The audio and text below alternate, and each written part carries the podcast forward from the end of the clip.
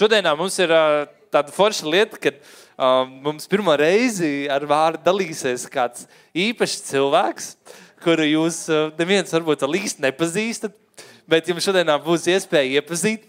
Un šodienā ir kāds jauns, brīnišķīgs, talantīgs un svaidīts Dieva vīrs, kurš uz mums runās Dieva vārdu. Tu esi gatavs saņemt no viņa? Uh, nu, nepareizāk, ne no viņa, bet caur viņu, no Dieva. Tu esi gatavs, vai ne? Ja? Nu tad aicināsim priekšā Māri. Un šajā rītā mēs visi esam ieradušies šeit viņu atbalstīt, vai ne? Mēs esam viņa dēļ atnākuši, vai ne? Ir pat Pat reku, Jānis ar Renāru atnāca atbalstīt, pat Kristaps aizmugurē sēž un atnāca speciāli Māra dēļ. Un kaut kur pat Nauris bija ieradies priekš Māra. Tā kā visi Māra draugi ir ieradušies šodienā, lai viņu atbalstītu. Un, uh, es ceru, ka tu esi viens no viņiem, ka tu vari atbalstīt un uh, klausīsimies, kur esmu sagatavojis. Aizlūksim! Ja? Debes tās, paldies, kad, uh, paldies, kad vārds nāk no tevis. Paldies, ka mēs gaidām uz tevi. Un, un paldies, ka tu esi tik uzticams, ka tu sēji savu sēklu. Tavs vārds kā sēkla tiek sēta mūsu sirdīs. Un es lūdzu, tās, ka mūsu sirdis šorīt ir šīs izsaukšās un izslāpušās, kas var saņemt no tevis visu, ko tu esi sagatavojis. Paldies par Māri, paldies, ka tu esi devis viņam savu glābšanu, tu esi devis aicinājumu un dzīvības vārdus līdz viņa sirdī. Un es lūdzu, ka tu viņu lieto šajā rītā, lai viņš ar prieku, lai viņš ar spēku, lai viņš ar visu to, ko tu esi viņam devis, var dalīties. Un ka mēs varam baudīt un redzēt, ka Dievs ir labs. Es lūdzu svētī viņu, iepriecinu un lieto Jēzus vārdā. Amen. Amen. Tā kā turpiniet lūgt Māri un klausīsimies, kur Dievs mums ir sagatavojis. Amen. Paldies, labrīt. Um, Ievads jau tāds pamatīgs. Laiks arī tagad jau skaitās. Tā kā uh, es domāju, ka es nerunāšu ilgi. Ja? Bet tas parasti ir ievads, ka kāds pasaka, es tā pavisam īsi, kāda liecība vai ko, bet tad, uh, tad runā ilgi. Uh, jā. Uh, kaut kad decembrī, laikam mēs ar uh, Kristapa pusdienas vai kaut kas tāds bija. Un, uh, viņš pieminējās, uh, nu, kā būtu, ja tu kādu svētdienu padalītos uh, draudzē. Un tajā brīdī esat izjutuši tādas nāves bailes. Apmēram varat iztēloties. Tad, tad jūs apmēram saprotat, kas tajā brīdī notika ar mani. Man vairs neinteresēja, ko es tur ēdu. Man liekas, ka man viss iekšā griežās. Uh, jā, bet tā tas palika. Nu, es uh, ne, neatceros, vai es kaut ko atbildēju vai ko, bet tā bija tāda varbūtība, un es neatbildēju. Jā. Nu, tad uh, pagājušā nedēļa Kristaps atsūta ziņu un prasa, kā tev liekas, vai tu varētu šajā nedēļā padalīties. Un atcerieties tās nāves bailes, ja? Viņas bija apakaļ. Uh, Jā. Uh, jūs varbūt, uh, zināt, kā citreiz liekas, ka jūs varbūt nezināt, man personīgi esat redzējuši varbūt tikai no, kad iesāk tur diekalpojumu vai ko, vai, nu, es arī cenšos būt uh, draudzīgs un iepazīt, nu, tu varbūt arī nevienmēr tā var pateikt, ne, kad uh, man ir diezgan paniskas bailes no uh, publiskas uzstāšanās. Uh, bet uh, tam nevajadzētu mūs atturēt no tā, ko, ko, ko Dievs aicina darīt pareizi. Un eh, šodien es gribu padalīties ar kādu tēmu. Tad eh, Kristaps, kad decembrī prasīja, vai es varētu padalīties, es negribēju dalīties. Es joprojām negribu, varbūt, ja? bet man sirdī bija tēma, ko man likās, ka es runāšu, ja man tomēr piespiedīs. Protams, Kristaps nepiespieda. Un, eh, un man bija izvēle, bet eh, es negribēju, es kā arī viņam teicu, es negribu tev teikt nē tikai tāpēc, ka es negribu. Vai tikai tāpēc, ka man, ka man ir bail. Un, eh, tas arī viena no lietām, ko es gribēšu pieskarties. Un es mazliet arī mazliet izstāstīšu par, par savu dzīvi, lai ir kaut kāds, kaut kāds ievads. Ja, bet ne, cerams, nebaigi dziļās detaļās. Es vispār esmu diezgan haotisks cilvēks, kuram patīk kārtība. Tā kā jūs varat iztēloties, kas notiek manā galvā. Tur ir viesuļvētra, un es mēģināšu kaut ko pie, noķert pa ceļam. Un, nu, man ir pierakstīts, es centīšos turēties, ja, bet mazliet pacietiet mani, ja, ja man te timers ir, man pēc kāda laika nostums nost. Bet, ja, ja mazliet aizplūst kaut ko, piedodiet. Bet arī tad, kad slavēšanas laikā Lana pieminēja par vāžu salaušanu. Tā, man liekas, ka ir kaut kas, ko Dievs grib izdarīt arī šajā rītā. Un es ceru un es lūdzu, ka tas būs par svētību. Un, ja jūs pierakstat to tēmu, ja, tad, tad varat rakstīt aizvainojuma un vilšanās gūstā. Ja, tāds nu, nav varbūt pozitīvākā ziņa arī pie, ne, īpaši pirmā reize. Un, Bet pagājušajā nedēļā Kristaps sludināja par uh, Dievu mīļotie bērni. Ja? Tā kā Gatis bija pirms tam, viņš uh, mudināja mūs atcerēties to, ko Dievs ir runājis. Uh, tāpēc uh, nu, cerams, arī nebūs baigi uh, negatīvās pieskaņās. Bet, uh, jā, Uh, pa lielam visu šo nedēļu, kad es zināju, ka būs jārunā, es lielāko daļu pavadīju cīņā ar domu, ka būs jārunā, nevis reāli gatavojoties. Bet tā ir. Liekas, mēs tikko ar Mārcis, Mārcis sēdējām. Runājas, liek, reizēm liekas, ka Dievs tevi aicina darīt to, ko tu negribi. Ne? Liekas, tu varētu to darīt, to, bet Kaut kā nē, kaut kā nē. To, ko negribu, to tagad arī jāsāk domāt uh, pretējais. Es tur negribētu ļoti pelnošu biznesu ja, vai uh, labi atmaksātu darbu. Tādu nu, maz atmaksātu, jā, kungs, bet uh, tikai ne ļoti atmaksātu, vai, vai tur pilnībā nosaktu misijas braucienu uz kādu siltu vietu. Uz augstu vietu, jā, bet uz, uz, sil, uz siltu nē. Jā, bet kaut kā liekas, ka Dievs gan zina vairāk nekā mēs saprotam, gan arī viņš negrib mūs atstāt tajā vietā, kur mēs esam. Ne, viņš mūs pārāk, pārāk mīl. Uh, jā, uh, mazliet, uh, jā, mani sauc Māris, uh, sveiki. Un, uh, es uzaugu laukos uh, zemgalē, tērvetes pusē, kroņaucie precīzi. Varbūt kādreiz arī bijāt, tur draudzē bija tādi slavēšanas vakari. Uh, Ja, Kroņāts ir tur draudzi, kur fermas visapkārt. Un, uh, citreiz arī varēja just tās fermas vasarā. Uh, jā, un tur uh, bija ļoti mīļi mācītāji Egils un Venta. Es zinu, viņi, man bija ļoti kā, kā garīgi, kad es atgriezos draudzē, viņi bija kā garīgi mani vecāki arī, un, un viņi bija precēti 60 gadus, ja nemaldos. Tagad jau viņi ir mužībā, bet uh, tas bija viens no lietām, ko es sapratu, ka man pasaulē meloja. Kad tas, ko es redzēju viņos, ka viņi tur uh, savos 60 plus gados varēja būt uh, uh, mīļi tā viens par otru. Tā, es, tas ir kaut kas, ko es gribu. Un tas arī bija viens no iemesliem, kāpēc es pieņēmu lēmumu, kad, kad es ot, kaut ko tādu es gribu. Tagad man kaut kas tāds trīs gadus jau būvējās. Bet nu, nav tā, ka viņi tur bija baigi maigie. Ja man mācītāji bija tādu riktīgu īstenībā Krampa, ka, eh, man liekas, zvani zinu, vai ne, viņas eh, Ventas tante, kā, un eh, bija, bija vieskalpotājs draudzē kādreiz, un viņš dalījās ar vārnu un kaut ko tur pie, pateica, bet nu, mēs jau esam apžēloti grēcinieki. Viņa piecēlās kājās, teica, visam, ko viņš teica, jūs varat ticēt, bet grēcinieki gan jūs neesat. Jūs bijāt, bet uh, tagad jūs svētā. Vari turpināt, brāli. Sludīt tālāk. Tā kā cerams, Kristupam nebūs šodien tā jāna. Jā, bet uh, es uzaugu tur draudzē, uh, bet apmēram kaut ap 12 gadiem es izdomāju, ka uh, man draudze nav vajadzīga, kad es zinu, kā vajag dzīvot. Un, man arī toreiz neņēma jauniešos, jo es biju pa jaunu, bet man visi draugi bija jauniešos. Tā kā man likās, ka, uh, nu, Jā. Nu, tas, tas bija varbūt mans vecāks dievs, bet tas, tas nebija priekš manis.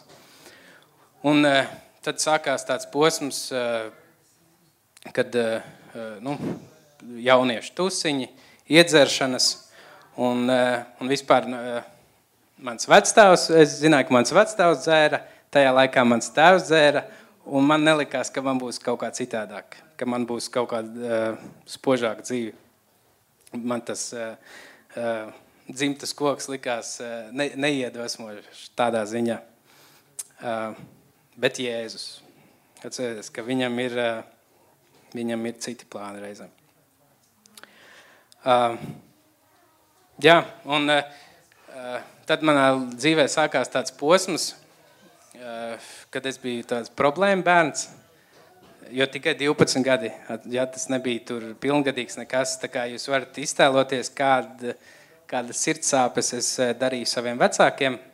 Nu, tas ir viens no iemesliem, kāpēc es arī dalos ar to savu stāstu. Uh, jo man likās, ka man, ka man nav noteikumu, ka man nu, uzliks mājas arestu, vai nu, man vienalga, es pa nakti izlīdu. Nu, kā tu mani noturēsi? Ja? Un, un es, es zinu, ka nu, manai mammai, ar, pie kuras es dzīvoju, tad, man vecāki bija šķīrušies, tas arī man sāpīgi ietekmē. Un es visu laiku centos sev atrast. Es vienmēr gribēju iederēties, un tāpēc es darīju visādas stulbības, tur centos uh, pierādīt sevi, centos uzjautrināt sevi. Un es vienmēr biju tāds uh, jautrais džeks, bet dziļi iekšēji es biju ļoti iztukšots un, un nelaimīgs. Un vienmēr likās, ka vajag kaut ko vairāk, kaut ko vēl darām, kaut ko tā. Un vienmēr man ļoti nepatika uh, būt skaidrā un būt vienam.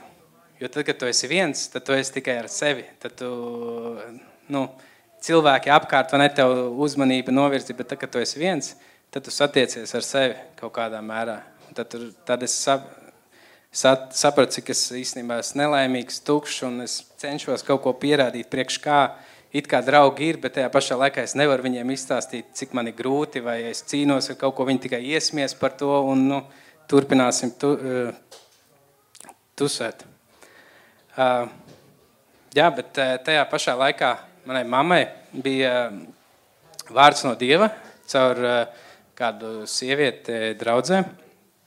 Un, tas vārds bija apmēram tāds, kad es neatceros detaļās, bet uh, visi viņas bērni kalpos Dievam. Un e, te no es esmu, tur man, man liekas, e, māsa ir vecākā ar bērnu, un arī tre, trešais bērns, e, otra mana māsa ir aizdegusies par Dievu.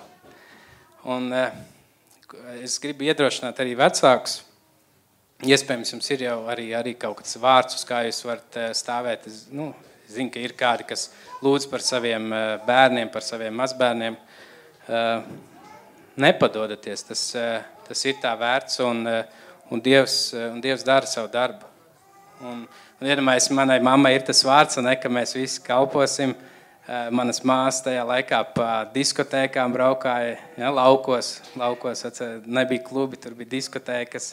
Mani citreiz policija mājās atveda un nu, It kā liekas, kur tad bija, kurā brīdī viņš sāks kalpot, vai ne? Bet uh, paldies Dievam par viņu žēlstību. Nē, es viņu meklēju, uh, ne man īsti likās, ka vajag, bet uh, viņš apžēlojās un, un te no es esmu.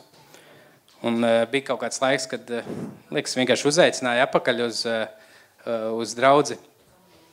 Un es piekritu nākt, jo tā es, ne, jūs varat iet, man to nevajag. Un Un, un kā bija, ka es likās, ka es esmu tāds nu, jautrs, viss tā. Ne, neviens nekad nezināja, ka man kaut kādas cīņas vai ko.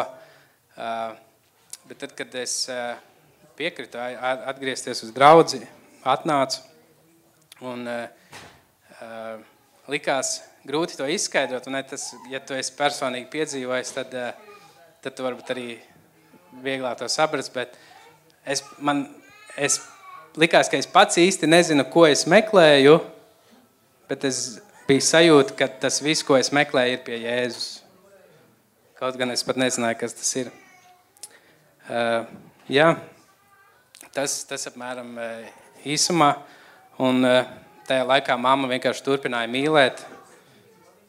Neko citu īsti viņa teica, nu, vienalga, kur lai es tevi aizvestu, tu būsi pie mēnestiņa. Tas bija tas veikals, kur varēja iepirkties. Ja, un, uh, bet Dievs savu darbu izdarīja, un uh, paldies viņam par to. Uh, labi, un tad uh, tālāk par to tēmu, ko es gribēju padalīties. Uh, mazliet arī par to vispār, kāpēc nu, tas, ko es minēju, kad ne, es gribēju baigt dalīties, uh, bet man liekas, ka mums uh, katram vienam no šodien, ko es gribētu jūs aicināt, ieskatīties, līdzīgi arī kā Gatis pirms uh, divām nedēļām, uh, pacel augšā tās lietas, ko Dievs ir uh, runājis uz tevi. Vai nav tā, kad, kad tu esi atļāvis bailēm tevi atturēt no tā, ko Dievs ir runājis?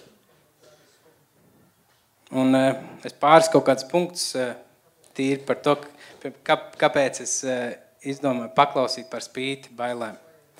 Uh, un viens, viens no tā ir, kad uh, es esmu šajā draudzē un es cienu savus vadītājus, cienu tos, ko Dievs ir ielicis šajā draudzē. Un, tīri varbūt praktiski tas ir viens no tādām, ja, ja es nejūtu vai kā, tad reizēm Dievs arī izmanto viņus, lai mūs pastumtu mazliet tā iespērt, ja, ja, nu, ja mēs esam mazliet aizsēdējušies vai kā. Un agrāk, kad Kristus prasīja, vai, vai, tu, vai tu gribētu iesākt uh, dievkalpojumu? Es saku, negribu, bet ja vajag, es iesākšu. Un uh, tagad viņš man neprasa, vai es gribu, viņš vienkārši, vai tu varēsi? Ja. Un, kad, kad es vienkārši šeit tiem punktiem cauri, paskaties, pa, pa, paķidā savu sirdi. Nav tā, ka es baiga, baigais sludinātājs un uh, ka es wow būs. Ja? Nu, bet, uh, bet es esmu pārliecināts, ka, ja Dievs kaut ko liek, arī sirdi nav tā, ka nejauši. Ja? Ka man vienkārši, vienkārši, ka Dievs var lietot arī mani. Ne? Nu tevi. Uh, jā, un tāds vēl princips. Uh, ja, ja ja, mēs, ja mūsu garīgajā dzīvē neizaicina un uh, nav kaut kāda izaicinājuma, kaut kādas lietas, uh, kas mums mazliet biedē, uh, tad ir jāpadomā, vai tu neesi aizsēdējies, vai, vai, vai kaut kas. Jo tā, tā ir tāda bīst, bīstama pozīcija, kurā būt. Jo es, piemēram, tad, kad pie, piedzima mums bērns, ir ļoti viegli paslēpties tajā bērnu istabā. Nu, man ir it kā attaisnojums, vai ne? Man, eh, un tad reizēm tāds, vai es dzirdēju vispār, ko sludināju, vai ir, eh, bet eh, mēs ar Renāru kaut kad runājām, kā ir tad, kad tev tik vien, nu, kā jāiesāk tas dievkalpojums, kad tev paprasa iesākt. Kā tu dzīvo to nedēļu? Kā tu tur mēģini e, neko baigi jā, nesabojāt, tur dzīvot tā kārtīgu dzīvi. Tu tur iespringsti, ja, lai nu, jāpalasa kaut kas, jo ko, ko es tajā rītā teikšu. Ne? Un, e, man tā, kad Mārcis e, teica par to, ka viņš tur darbā Jēzus vārdā padzina, man likās, ka šonadēļ viņš uz mani to atsūtīja, aizzina no sava ofisa, atsūtīja man. Kaut kādi mūrgi bija, es tur domāju, kā, kā tas vispār, nu, kāpēc nu, ir eh, tik labi, es atbraucu, aizbraucu, viss kārtībā, kāpēc Kristapam ļoti labi sanāk sludināt. Un, bet uh, tur, tur ir tas, ka viens ir, eh, kas mums ir svarīgi garīgajā dzīvē, ka mēs nepazaudējam izaicinājumus, kas mūs izaicina, un ka mums ir jāuzņemas atbildība. Jo Nu, tā ir. Nu, ir ja, ja es zinu, ka man svētdienā nekas nav jādara, vai ne? Nu, ja, nu, protams, ne, ne tā, ka es tur kaut ko, vai ne, bet uh, tīri tā, ja tev ir atbildība par kaut kādu kalpošanu, pret ka tu tajās dienās, kad tu gribi, negribi, nu, tev tāpat jādara. Un tas mums ir ļoti svarīgi, jo tas eh, audzē mūsu raksturu, tas veido mūsu. Un, uh, un es arī nesaku, ka tev visur ir jāsaka jā. Ja, te bieži par svētdienas skolu vai kā, nu, varbūt ir jāsaka. Var. Bet kāpēc tu saki nē? Vai tas nav tāpēc, ka tu baidies? Jo nu, reizēm tās bailes mēs tādas garīgas ne, esam uztaisījuši. Nu, nu, jā, kur, ko es tur un tāda kā pazemība, vai ne? Bet tas tāpat ir es, man, mani, nesvētā trīsvienība, vai ne? Tas ir, eh, ko tad es, kā, kā es izskatīšu, ko par mani padomās. Un reizēm liekas tie, kas tur iedomīgi vai kā, ka tādi egoistiski, ne? Bet nu, tajā pašā laikā tā, ko mēs mēģinām reizēm par tādu pazemību eh, veidot, tas, eh, nu, vai tas tiešām ir tas, vai tā tiešām ir pazemība. Ja tev Dievs ir teicis kaut ko, jau, tu, tu jau savā sirdī, tu jau man, mani var piemānīt savu, pat, mēs pat eh, sievu nevarētu piemānīt, bet tu sevi nevar piemānīt. Tu zini, kas ir tās lietas, ko Dievs ir līdz tavā sirdī. Tu zini, kas ir tādas lietas jau, kas, protams, ja tu to visu laiku apspied un tā, nu, kaut kad jau tas iespējams arī pazudīs. Tev vairs tur uh, skaļi uh, tavā sirdī nerunās. Bet, uh, bet jā, kāpēc, kāpēc tu atsaki, piemēram, ja tev prasa kaut ko draudzē vai ko? Nu, ja, ja tas tāpēc, ka ir bail, vai tas ir pietiekami liels iemesls? Un man pierakstīja divi citāti, kas man patika par, par bailēm, par drosmi. Un viens tāds, ko nozīmē drosme? Drosme nozīmē, ka tu esi līdz nāvei pārbījies, bet tu tāpat apseglo zirgu. Apseglo zirgu kaujai. Tu tur trīci, tu, tu, nu, tu, nu, piemēram, nu, kaut vai jārunā vai ne. Tev bail, tu tā, bet tāpat gatavojas, tāpat tu iesi, tu ar trīcošām kājām, bet tu iesi. Tu zini, tev tur jākalpo, bet tu, tu, tu nezini, kā. Tu ne, mm, mm, mm, tik daudz vis kaut kādi iemesli, attaisnojumi, bet uh, tu tāpat tu zini, ka tev jāiet cīņā. Tu zini, ka ir kaut kādas lietas, ko Dievs ir runājis, ko Viņš ir aicinājis. Tu nezini, kā tu baidies, bet tu sāc darīt. Tu sāc darīt. Un uh, vēl viens uh, citāts. Es laikam nav svarīgi, kas tos teica, jo tagad liekas, internetā tur kā citāts ir, bet tu skaties, ka 5, 6 dažādi vārdi viņi teica, tad beigās nesaprotu, kurš viņus tad īsti ir teicis, kam viņi var pielikt. Bet viens ir uh, Kris Valatons, kas arī laikam nākamnedēļ būs ja, Latvijā. Uh, drosmīgi cilvēki nav bezbailīgi. Tie ir cilvēki, kas atsakās ļaut bailēm teikt, ko tiem darīt. Un bieži tas, ko Dievs tev paredzējis, atrodas otrpus, otrā pusē tam, ko tu visvairāk baidies. Um, jā. Un, uh, kad bija par, uh, par apsolīto zemi, cik daudziem Dievs teica, ka Viņš ievedīs viņus apsolītajā zemē? Tur bija diezgan daudz, vai ne? Bet cik reāli iegāja? Cik bija? Vai tas nozīmē, ka tas vārds bija slikts? Droši vien, ka nē, vai ne? Un uh, šis nebija slikts. Bet viņiem nebija tā drosme darīt to, ko Dievs aicinājis darīt. Un, uh, ja ir kaut kādas lietas, nu, tu esi kaut ko varbūt paslēpis vai ko, un kā bija pirms tam divām nedēļām gads, nu, davai, nāc priekšā. Davai lūksim par to. Kas, kas tā ir? Da davai, nu davai, nu daram, iekustamies. Un, eh, ja tu esi mēģinājis cīnīties, nu viens vai ko, vai nu, atrod brāli māsu, kurš var aizlūgt, kurš, eh, kurš var iedrošināt. Un galvenais, eh, nu, neatmet, neatmet to. Un, un viens tāds pēdējais Eh, punkts, kas man ir, kāpēc darīt to, pat ja bail. Mums jāatceras, ka, mēs, ka mums ir attiecības ar visumu radītāju un kungu kungu. Un ir arī raksturvieta, vai ne? Lūkas 6, 46. Ko jūs saucat mani kungs, kungs, bet nedarat, ko es saku? Un reizēm, nu, Mēs dziedam, ne kungs, kungs un tā, bet nu, ir kaut kādas vienkāršas lietas. Vai arī dziedam tur, es iešu līdz pasaules malai, ja, kā tā dziesma ir. Bet reizē mums grūti aiziet pie brāļa kas, vai māsas, kas mums tepat blakām sēž. Un, un mums ir jāsaprot, ja, kad, ka viņš ir kungu kungs, viņš ir manas dzīves kungs. Ko nozīmē kungs? Ka viņš valda. Nevis es, bet viņš valda.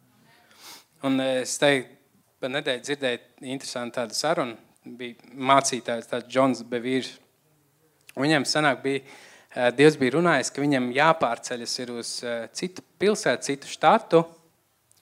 Eh, bet problēma bija, ka viņi jau dzīvoja ļoti labā vietā, un viņiem bija viņu sapņu māja. Un tad kādā dienā viņiem vienkārši atnāca piedāvājums pirkt māju, un viņi pat nebija izlikuši viņu pārdošanā. Un, nu, un pārdeva un pārcēlās. Dievs mazliet iejaucās. Un es atceros, bija par uh, uh, agrāk, es uh, pamatskolas laikā es spēlēju futbolu. Ne ilgi, bet uh, biju komandā, bija sava forma, un tur ar pāris draugiem. Un tad mēs vienkārši izdomājām, ka mēs iesim projām. Un mēs tās formas, ko mums iedeva, mēs neatdevām. Viņi tur teica, es tur nedošu. Es vienkārši parāvos līdzi, un nu, es devu, man liekas, draugam, bet nu, es nedevu. Tas bija kaut kāds pamatskolas pirmās, pirmās klases. Un pēc tam vidus, vidusskola, tas ir gan iz uh, desmit gadi. Uh, es jūtu savā sirdī samaksā par formu. Kaut kā desmit gadi. Un uh, un sākās ja, ne nāves bailes, bet tāds, tāds mil, milzīgs smagums. Un, esat piedzīvojuši kaut ko tādu, ka Dievs uzrunā vai nu, tev reāli negribās. Un es, es tik ļoti cīnījos ar to. Plus vi, vidusskola tehnikums, ja man stipendija bija kaut 20 lati ja, vai eiro. Un vienkārši liekas, nu kā? Es tad pat ne, es nebiju kristietis, man cik bija gadi, kaut kādi 11. Nu, kā, kam es vispār došos? Kā, un esat bijuši cīņā tādā ar sevi. Un tajā pašā laikā, nu, slavēšana, tu sāki slavēt, tur gribi tur kungu kungs, ja, un, un tev vienkārši priekšā stāv tāds samaksā par formu. Un tu, tu vari lēkāt, vari dejot vai ko, un, un viss. Un vienkārši tāds, nu, tev liekas, man, un tu zini, ka tev tāds, nu labi, nezinu kā, bet tu līdz dabūsim gatavu. Un uh, tad bija draugiem, draugiem LV, visi laikam vēl tādas laiks ir piedzīvojuši. Un uh, es atradu to treneri. Uh, es izpētīju internetā, cik maksātu forma. Es viņam uzrakstu, sveiki es tad un tad pie jums trenējos. Jā, apmēram plus mīnus desmit gadi es neatceros. Bet es gribētu, es aizgāju prom un es nesamaksāju par formu, un es gribētu samaksāt. Viņš man eh, atbildēja, kaut ko pārjautāja, es atbildēju, un viss. Viņš neko man neatbildēja, ko. Bet, ja jūs zināt, kāds atvieglojums man bija, jo es paklausīju. Nu, tur uh, Viņam droši vien vēl domāju, kaut kāds ar putniem, ja tur uh, raksts. Bet uh, cik tas bija svarīgi man, lai man tas uh, attiecības ar Dievu, lai tas gājums ar Dievu, lai tas turpinātos. Un, tas likās tajā laikā, tas likās tik traki. Un, nu, bet, jā. Uh, arī Bībelē teikts, paklausība ir labāks kā upuris. Ne? Un paklausības te pierakstīja. Paklausība reizēm ir skaistākā slavas dziesma, ko tu varētu dziedāt. Un skala, skaļākais aleluja. Tā kā atceramies, ka viņš ir kung, kungs. Un ir, ir labi slavēt un tā, bet dienas beigās nu, mēģinam darīt, ko viņš, ko viņš saka. Uh, Ilmārt, man laiks iet jau uz beigām. Tur var pielikt klāt. Labi. Tad tālāk par, par vil, tas bija tāds mazais ievads, jā, un par to vilšanos un aizvainojumu. Un, man liekas, tas viens no iemesliem, man liekas, kāpēc tas bija manā sirdī, jo es pats esmu vīlies, dīvaini jau teikt, vai ne, bet ar, ar, uz Dievu laikam jāsanāk. Un liekas, nu, baigais, ne, bet, eh, nu, paskatīsimies, paskatāmies uz savu dzīvi, un eh, es padalīšos ar to piemēru, kas, kas man bija, kas, kas manā dzīvē, manā kristiešu dzīvē reāli sāka tādu lejupslīdi. Un liekas, nu, kas tur bija, ne, ne, ne, nekas tāds, eh, nekas tik traks. Un, un padomājiet arī, reāli, es tā, nu, domājot, tas ievēr prasīja, liekas, nu, tāda vilšanās un aizvainojuma ir diezgan liels iemesls, kāpēc uh, uh, cilvēki arī aiziet vai no draudzes, vai no, uh, vai no Dieva. Un, ja jūs padomājat, nu, paskatieties, uh, kur, kuri kādi tie cīņu biedri, ne, kas jau ilgākus gadus esat kristieši, ar kuriem nu, kādreiz dedzīgi kalpojāt, dedzīgi uz draudzi gājāt, vai ne, kad, kad ir, ir, ir kādas lietas, kad, kad cilvēki ir aizgājuši kaut kas nav noticis eh, tā, kā viņi iztēlojās, vai, vai viņi vīlās kaut kādās lietās. Un tāpēc man likās diez, diezgan svarīga arī tā tēma. Um, un, ja tu pieraksti, ja tu gribi pierakstīt, pieraksti šo. Uh, gribi vai nē, bet tā ir patiesība. Cilvēki tevi sāpinās. Ja? Nu, reizēm liekas, nu jā, man tur kolēģis tāds ir riebeklis. Viņš man nu, visu laiku, jā, it īpaši zina, ka es ticīgs, tur man kaut ko. Bet, bet zin kā, ar, ar tādiem, nu, nesaukšu viņu par ie- ienaidnieku, varbūt cits piemērs, jā, bet, nu, no ienaidnieka saņemt sitienus, tas jau ir tāds, nu, apmēram, vai ne, nu, davai. Jā, tu esi tā kā gatavs. Uh, bet, uh, Bet kā ir ar tiem cilvēkiem, kas tev ir vistuvākie? Diezgan liela iespēja, ka tevi sāp, sāpina, sāpinās tie, kas tev ir bijuši paši tuvākie. Kāpēc? Jo tie, kas tev ir tālu prom no tevis, pa lielam, nu, kaut ko saka, jā, bet uh, mazliet paņēma jau sāp, bet nekas traks. Bet, ja tas ir tavs tuvais cilvēks, ja, tad man liekas, eh, bija arī viena raksturvieta. Um, bija man viena raksturvieta. Kaut kur. Jā. Nu, jā, šī arī ir raksturvieta. To varat izlasīt. Es tur viņu kaut kur jau savos pierakstos pazaudēju. Bet, uh, jā, tas eh, aizvainojums, kā te rakstīts, nu, apkaitināts, ai- aizvainots brālis, turas savā tai, nu, es pat gribētu teikt, dzīvos tajā savā sulā, ja? un stingrāk nekā nocietināt pilsētu. Jo reizēm liekas, tur ienaidnieka bultas šaut, tur tā, tā, bet tas, kas no tevis no iekšienes nāk, tas kaut kāds aizvainojums, kaut kas nepiedošana, ko tu ielaid sevī, tad, tad pēc tam tev ir grūti vispār tikt klāt. Un uh, uh, ir psalms 55. Uh, 13. līdz 15. pāns. Taču tas nav ienaidnieks, kas mani nievā. To es varētu panest. Tas nav mans nīdējs, kas saslējas pret mani, no viņai es paslēptos.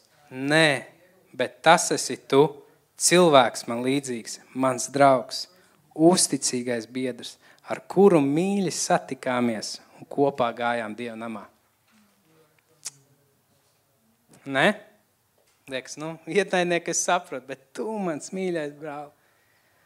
Uh, jā, nu, gribat, negribat. Mēs esam cilvēki, vai ne? Un uh, liekas, uh, liekas, kas tur, uh,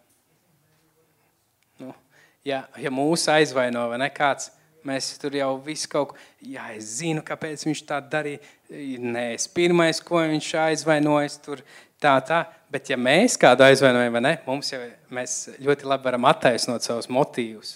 Ne, nu, es jau negribēju, nu, ko tad viņš tā, nu, es, es taču ļaunu negribu, vai ne? Uh, bet, jā, nu, tāds, lai, lai tev nav pārsteigums, jā, nu, arī draudzē ir, ir iespēja, ka tevi aizvainos. Liekas, nu, nu, jā, nu jā, bet nevajadzētu. Un, nu, jā, bet, bet gadās. Un zini, kad negadās, ja neko nedara. Nu, bet, bet draudzē mēs, nu, mēs darām, mēs mēģinām, ne? Arī mūsu vadītāji, viņi mēģina, viņi dara. Un tur, nu, bet man nepasveicināja no rīta. Es biju atnācis aizlūgt pēdējais, bet viss mācītājs aizgāja. Ja, tā liekas sīkuma, ne? bet nu, reizēm arī tie. Bet, protams, ir, un, ir, ir, ir arī dziļākas lietas. Un, eh, un, un mums jau pamatā nevajadzētu meklēt kaut kādu cilvēku atzīšanu. Jo nu, tā ir. Nu, cilvēki mūs var, eh, var sāpināt. Vienu dienu mēs arī varam būt topā, otrā dienā nu, varbūt neesam vajadzīgi. Un tāpēc neliec savu cerību uz, uz cilvēku jau pamatā.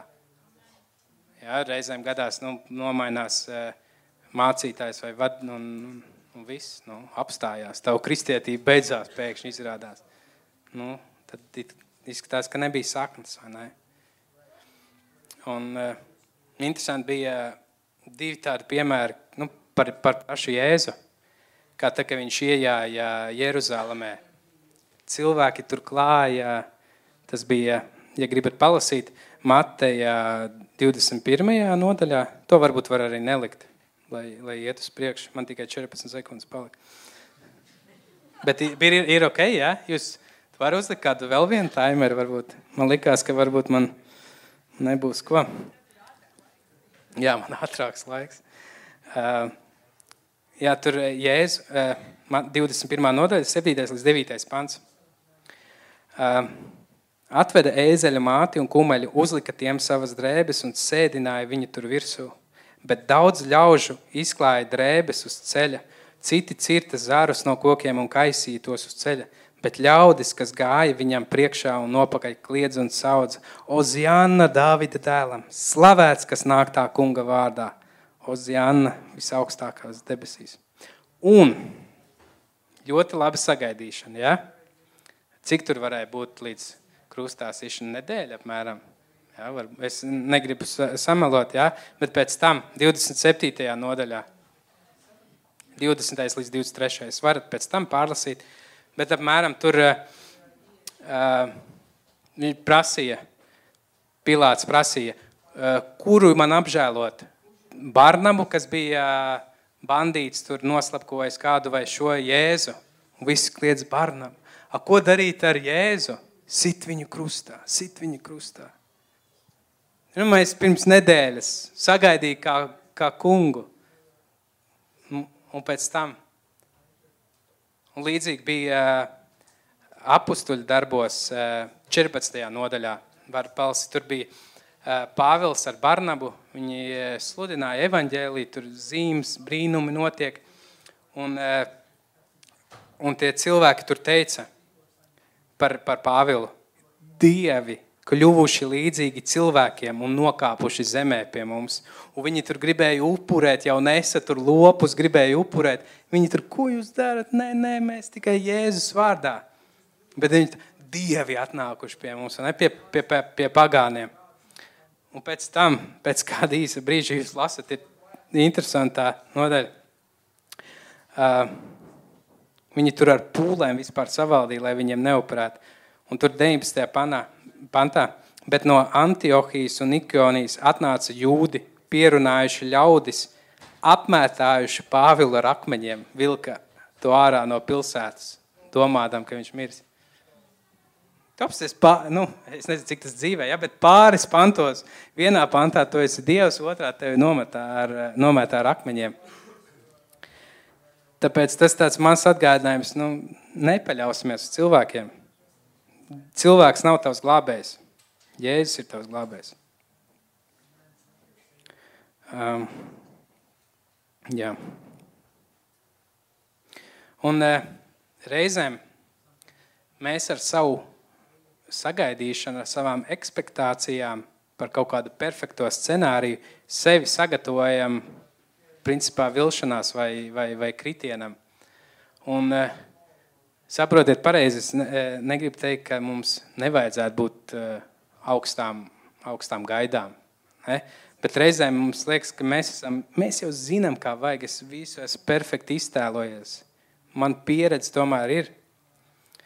Un, eh, un mēs aizmirstam, ka kaut kas var reizēm arī nu, nebūt tā, kā gribam. Cirreiz vispār mums liekas, ka mums eh, tā kristiešu dzīve eh, ir tāds kā priekpilns, bezrūpīgs tāds skrējiens pa puķu, pa ļavu tādā galopiņā, ka viss ir skaisti, viss tā. Un, eh, un tev ir tāds pārsteigums, ka tev kāds sāpinājis, kāds kaut ko pateica. Man liekas, ka es esmu draudzē, taču, vai ne? Bet, eh, nu, kā jūs mājās dzīvojat, kādreiz ar sanāk? Miša, получается? Šeit tad vai ne mājās? Nu, un, un draudzē mēs ar kā Kristus te mēs esam nu, mājās. Un dažreiz sanāk. Un zini, kas ir interesanti? Reizēm Dievs pat pielaiž, ka tā sanāk. Tāpēc mums ir svarīgi, eh, svarīgi sargāt savus sirdis un neļaut kaut kādām lietām. Un eh, ir tāds teiciens, esat dzirdējuši, dzīve nav roždārs. Liekas, tik nepareizs teiciens. Bet jūs esat kādreiz rozes mēģinājuši apgriezt? Tur reāli tev visa roka pēc tam ir ērkšķi, viss, eh, kurš teica, ka nav dzīve ir roždārs ir skaisti, bet ir ērkšķi. Ne? Un, un arī Jēzus teica, ka būs ciešanas. Un Bībelē arī romiešiem 5. nodaļa, 3. līdz 5. pāns. Bet nevien par to mēs teicam sevi laimīgus. Arī savās ciešanās, zinādam, ka ciešanas rada izturību, izturību pastāvību, pastāvību cerību. Bet cerība nepamet kaunā, jo mūsu sirdīs izliet Dieva mīlestība ar svēto garu. Es, nu, reizēm mums vajag ciešanas. Kā mēs, kā mēs būsim izturīgi bez tiem izaicinājumiem, bez atbildības? Kā mēs augsim? Kā, kā tu iztēlojies, kā tu augsi savā dzīvē, savā vienalga, karjerā vai ne? Nu, tu arī tev kādā brīdī tev tavs darbs var palikt, eh, nu, kad tu vienkārši nāc vai ne? Un ļoti bieži tad arī cilvēki maina darbu, viņiem gribās jaunu izaicinājumu. Un tā arī man liekas, ka Dievs mums ir radījis, nu, ka mums ir jāaug. Mēs nevaram vienmēr dzīvot uz piena vai ne. Es e, savam bērnam arī vairs knupi nedodu. Bija brīdis, ka vajadzēja, vairs, vairs nevajag. Un e, Jēzus teica, 6, e, Jāņa 16, 33. To visu es esmu runājis uz jums, lai jums miers būtu manī. Pasaulē jums ir bēdas, bet, ļoti spēcīgs, bet, turiet droši prātu, es pasaulē esmu uzvarējis. Ja, bet, eh, nu, it kā pārsteigumam nevajadzētu būt. Pasaulē būs bēdas. Ja. Protams, tagad tas tāds, nu, jā, jums būs, jums būs vai ne kāds sāpinās, kāds sāpinās, ne? Bet uh, es cenšos nodot to, kas manā uh, tornādo galvā. Ja, ne, liekas, ka tu, ja tad, kad tu klusi sēdi savā vietā, tev liekas, ka tu visu zini, tu zini, kā pateikt, vai ne? Tad, tad kad tu atver muti, ko es tikko pateicu, vai ne? Bet, jā, un uh, viens, ko es uh, par savu man, manas ģimenes vilšanās stāstu. Sākumā es pateikšu labo piemēru. Tas ir manas sievas, sievas piemērs. Viņa ir ārsts, dakteris. Un tad, kad viņa pabeidz tos sešus gadus medicīnas, kas ir tās pamatstudijas, viņa izvēlās to virzienu. Jā, seši, seši, seši gadi, tāds mazais, mazais ievadiņš medicīnā, seši gadi no tavas dzīves. Un, Uh, un tad viņiem ir, uh, es negribu samalot, jūs varat droši viņai, viņa man liekas arī ir dalījusies, ja? Un tad viņi izvēlās to specialitāti. Un manas sievas gadījumā viņai, viņai uh, uz divām iestājās. Uh, man liekas, kad ģimenes ārsts un pēdējais kaut kas tāds. Sešus gadus mācījās un netika. Nekur netika. Dievs. Kāpēc? Seši gadi. Un tajā laikā, nu, kā viņi izstāstīja, viņai, tāpēc es saku, viņai ir labais piemērs. Es būšu sliktais piemērs. Ja? Tā parasti ir mūsu ģimenē. Uh, viņai, viņa toreiz bija pie draudzenes, Esteras, un uh, ko viņas darīja? Viņas aizlūdza. Ja? Ok, Dievs, tā notika, bet es tev uzticos. Ja? Un, un te viņas brauca kalpot uh, uz uh, Bauskā tā live konferenci. Kalpoja tur uh, mācītājiem, ko, un viens mācītājs prasa, vai es varu aizlūgt par tevi. Un uh, aizlūdzu, un viņš pravietoja uh, kaut kas tāds apmēram, neuztraucies, būsi tajā vietā, kur vajag. Es to sagatavošu. Un man te vēl pierakstīts, forši, ka ir tādi cīnītāji biedri, ne? ka tev ir Kā citreiz ir, ir kāds brālis, māsa, kam varbūt nevajag prasīt palīdzību vai teikt par savām bēdām. Kad varbūt, oi, man tāpat bija. Un, un, un. Bet vajag, ka tev ir blakām kādi, kas tev var iedrošināt un pateikt, vai aizlūksim. Dievs joprojām ir dzīvs un viņš, viņš tur savās rokās. Uh, jā, Un kas notika pēc tam? Uh, lai es jau man piedod, negribu samelot, bet var teikt īsumā uh, viņai piedāvāja vietu. Kaut uh, bērnu neirologs, ja viņi teikt. Un pat pa profesoru. Un, liekas, zin tas brīdis, seši gadi, uh, tik daudz tu varēji paspēt, zin, kā, kad tev, tev atnāk paziņojums, nekur neesi ticis. Tu paliel, nu, zin, kā, es, piemēram, studēju tur biznesa vadību. Nu, tas tāds gaistošs jēdziens, plus mīnus tev eh, kaut kur dzīvē nodara, kaut kur nu, vienkārši vajadzēja augstāko, vai ne? Kā bieži. Uh, bet nu, mediķiem tas ir diezgan daudz, tas ir pat gribās teikt, arī, arī aicinājums. Nu, tāda diezgan liela daļa no viņiem, un tas ir daudz sāpīgāk. Uh, jā, bet, eh, bet tas ir eh, tas labais piemērs. Un eh, tagad, tagad mans piemērs, diemžēl, sliktais. Arī līdzīgi ar, ar pēc studijām. Un es atceros, parasti bija tādi līdzi, nu, mani vienaudži vai ko, vai ne, arī, kas tur taisīja, pabeidz vidusskolas, vai ne, un tā kā nezinu, ko darīt tālāk, un man bija tāds, pff, es zināšu, ko darīt. Tas kungs man jau sakārtos visu, un es jau nāšu. Un es eh, pat nezinu, no kurienes, bet, eh, nu, nezinu, no kurienes, bet eh, tajā laikā man bija parādījusies tāda liela vēlēšanās un tāda pārliecība, ka es pēc vidusskolas braukšu uz Ameriku, uz Bībeles skolu. Es baigi aizdedzies par to.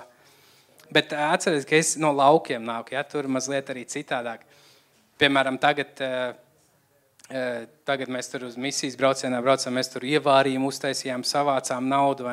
Bet laukos ir tā, nu, tu, tu, tu, tu pat nezini par tādiem variantiem, kad varētu kādam prasīt naudu. Kā, nu, tāds, ja Dievs tev nedod, tad tu nebrauc, jo man nav, naudas nav. Un tajā laikā man likās, nu, jā, bet Dievs jau sakārtos un, un, un viss tur būs. Un uh, pienāca, uh, pabeidz vidusskolu un es nezināju, ko darīt. Pārsteigums, vai ne? Un es teicu, pats, Dievs, bet kur ir mana bībeles skola, kāpēc es gribu tev kalpot? Tur, zin, kā saskaties video, kā tur notiek, viss tur jau iztēlojas. Tu iztēlojies, kā tu tur būsi, kā tu tur kalpos, tur viss, jā. Man ne tādu bildi, tādu gleznu skaistu esi uzzīmējis. Un viss. Nu labi, nu ko darīt? Eh, ies, eh, ies, iesniedzu dokumentus eh, augstskolā. Un arī konkurss baigais uz to vietu, kur es gribēju. Un, un, un brīnums netika. Un tā man nu, tā kā turpinājās. Kaut kas tu paņem pie sirds, kaut kas nākamais. Un ļoti interesanti. Tev liekas, oi, Dievs, ja tu man to brīnumu darītu, vai tas būs tāda zīme, es tev, es tev tā kalpošu. Bet mana vilšanās notika brīnumā. Es saņēmu brīnumu reāli, un tajā pašā laikā es vīlos Dievā. Tu, tu, kā to vispār var būt gatavu, vai ne? Un es jums izstāstīšu, kas bija. Es netiku tajā uh, budžetā. Uh, nu, man bija svarīgi arī budžetā finansiāli, jo, nu, lai, jo man īsti nebija naudas, lai, es, uh, lai maksātu par studijām. Uh, un Un, man liekas, tā bija nometne. Un atnāca, es, nu, kā jau vasaras beigas, tā kā nezinu, ko darīt. History makers, lūkšanas, slavēšanas nometne. Tu lūdz un slavē, ja? centies saprast, ko darīt. Un man zvana telefons. Klausies, kas tev tur ar to augstskolu māmu zvanīja? Uh, jo izstāsta, ka ir cilvēks, kas grib tev samaksāt par skolu. Es tāds, ok. Kas tas ir? Tā vispār neesmu dzirdējis par tādu cilvēku, bija mazliet aizdomīgi. Ja? Uh, bet, jā, ne no kurienes pēkšņi uzvedās cilvēks, kas bija gatavs samaksāt par, uh, par manām studijām. Wow, slavu Dievam, vai ne? Vispār nē. Vispār nē, es gribu uz Bībeles skolu. Es negribu iet uz augstskolu.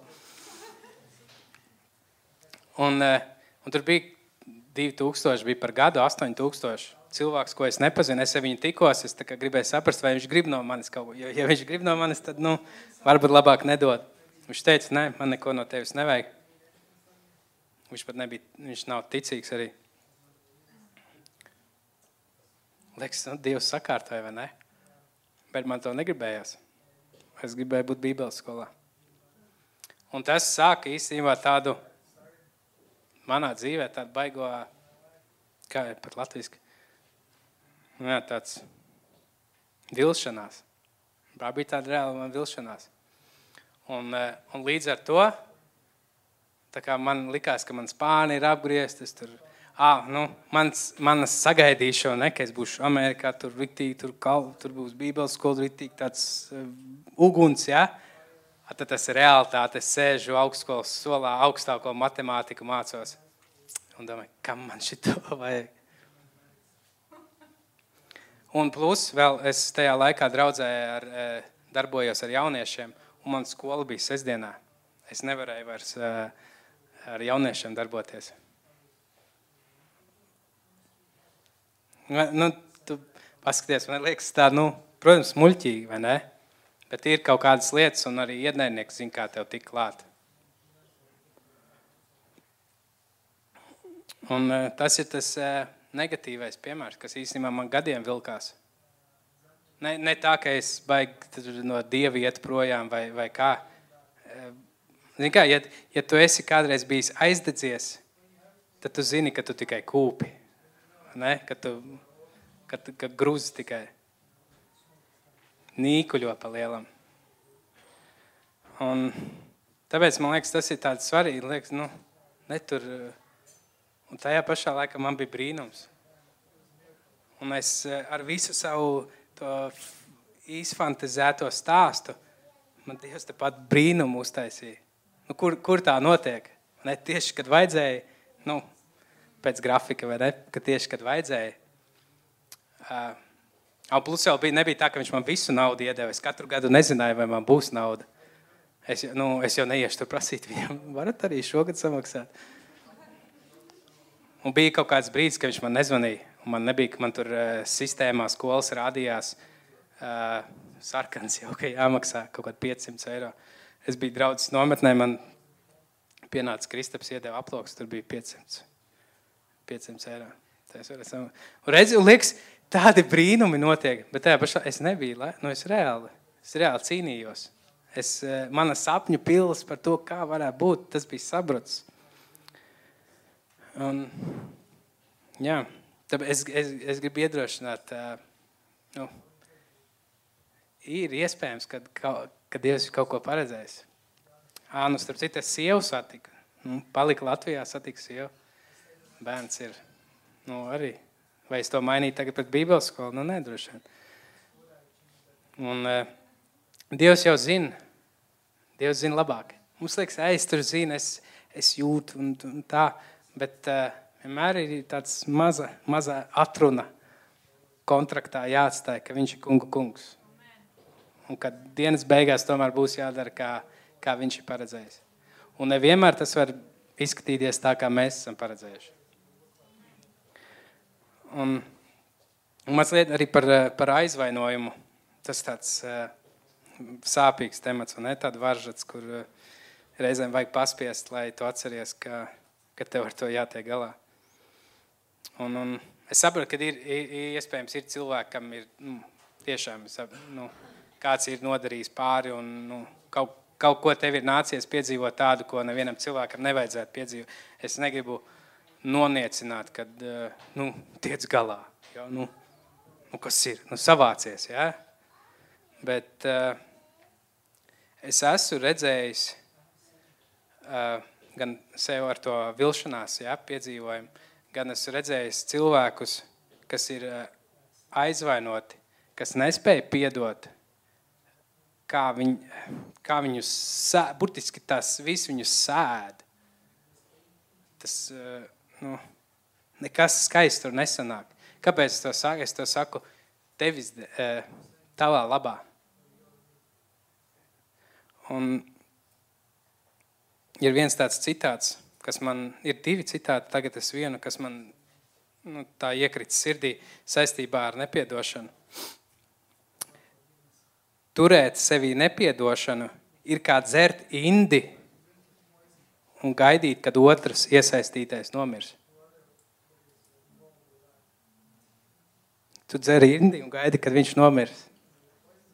Tā nepiedošana, tā ir kā inde, kas tevi sēda. Un katram mums tās var būt situācijas. Jūs, jūs jau zinat, un, eh, un eh, ja tev varbūt jau sāc justies nērti, ja, nu, slavu Dievam, Dievs tev varbūt uzrāda kaut ko. Kas ir tās lietas, ko tu esi atstājis, kam tu, kam tu esi atļāvis, tā kā, tā kā liekas, sākumā tev tā, tā kā vīģi, ja, kad nu, kaut kāds tāds augsts tev tur tā, nu, mazliet ap kāju, tur, nu, nu jā, nērti, ja, tur dzeļ kaut ko jau, sāk niezēt. Ja, un, nu, beigās tas jau tev tā savažo, ka viss. Nu, ne tu priecīgs, ne visdrīzāk līdz cilvēki priecīgi. Bet tā Dievs nav paredzējis. Dievs paredzējis, lai viņa bērni staigātu brīvībā. Bet, bet, bet vai man ir tiesības būt aizvainotam? Un tomēr man tomēr, nu, reāli sāpināja man.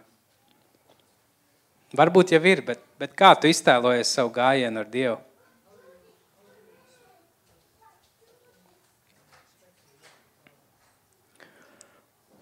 Un galotiešiem otrā nodaļa, 20. pants. Līdz ar Kristu es esmu krustā sists, bet nu nedzīvoju es, bet manī dzīvo Kristus. Bet cik es tagad dzīvoju miesā, es dzīvoju ticībā uz Dieva dēlu, kas mani ir mīlējis un nodevies par mani. Un eh, šis ir viens tāds pants, ko es eh, reizēm sev atgādinu. Ka līdz ar Kristu es esmu krustās īsts. Mani sāpināja, bet mani, mani. Es, man, mani. Miruši cilvēki diezgan grūti sāpināt. Mazliet mums tikai jāpak, jāpraktizējas tas ir ikdienā. Un es ļoti ceru, ka caur kaut, kaut kas aizsniedzās, aizsniedzās līdz te. Ja, liekas, kas tas ir kaut kāds sīkums, bet ja tu ar to netiec galā, tad reāli gadiem var vilties līdzi.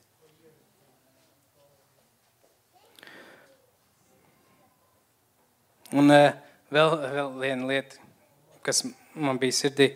Uh, ja, ja ir kaut kādas aizvainojumi vai uz, kaut, uz, uz mācītājiem, uz, uz kādiem līderiem, vadītājiem tavā dzīvē. Man liekas, ja tev ir grūti ar to tik galā, paskaties uz, eh, uz Saulu un Dāvidu.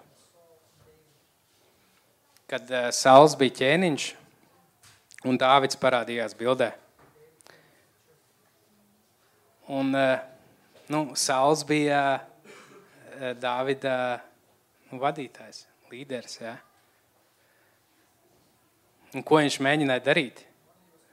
Mēģināja no, nogalināt viņu. Šķēpu meta viņam. Man liekas, jau izklausās 99% trakāk, kā jebkuram no mums varēja būt piedzīvojums ar mūsu vadītājiem, vai ne? Bet nē, man, man vārdus meta kā šķēpus tie sāpē. Ne? Tais, bet es saku, es, eh, mans mēs nav noniecināt un eh, katram mums ir tās cīņas, ko mēs cīnamies, vai ne? Ko es gribu iedrošināt, nepaliec tur, nu, cīnies to cīņu. Un, uh, Un es vienkārši abrīnoju, nu, jūs palasat 1. samuēla 24. 5 līdz 7. Tas bija tas laiks, kad Dāvids slēpās alā, Sauls viņu vajāja, un viņam vajadzēja uz toleti aiziet. Un viņš izvēlējās to pašu alu, kur, kur Dāvids slēpās.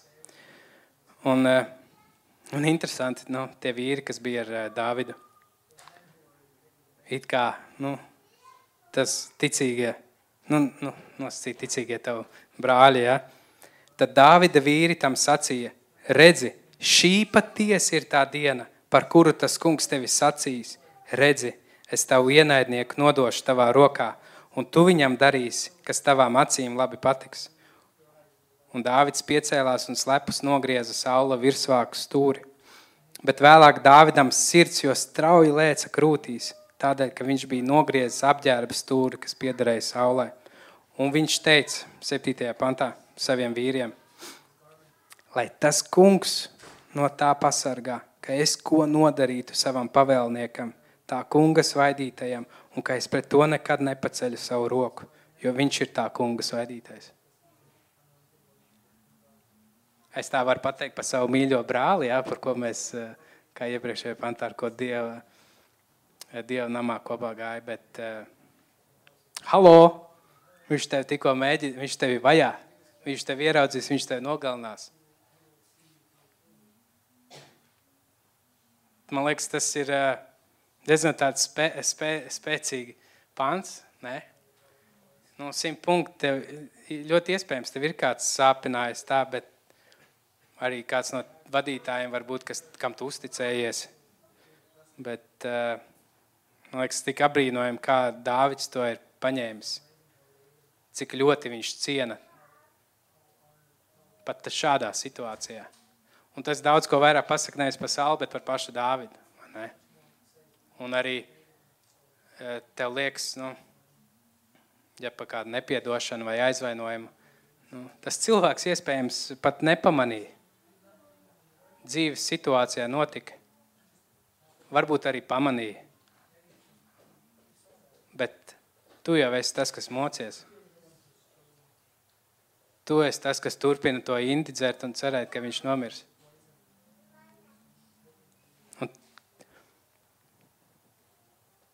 es atceros, man bija, tā kā es uh, agrāk draudzē darbojos ar jauniešiem, mēs tur uh, vairākas draudzes uh, organizējāmies kopā un mēs taisījām jauniešu konferences.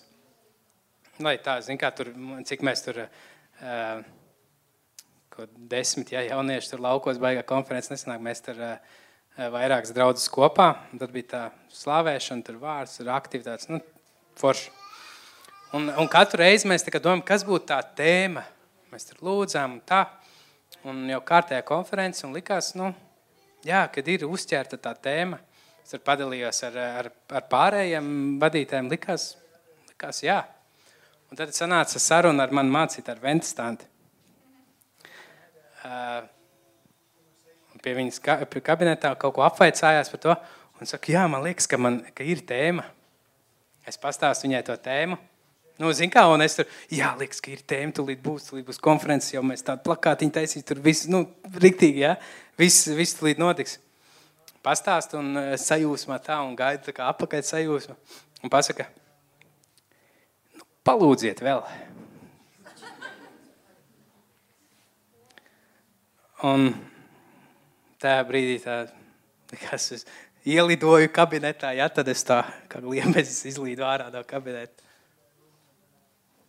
Un atceries, ko es iepriekš teicu. Uh, un ko mēs darījām? Nu, mēs lūdzām vēl.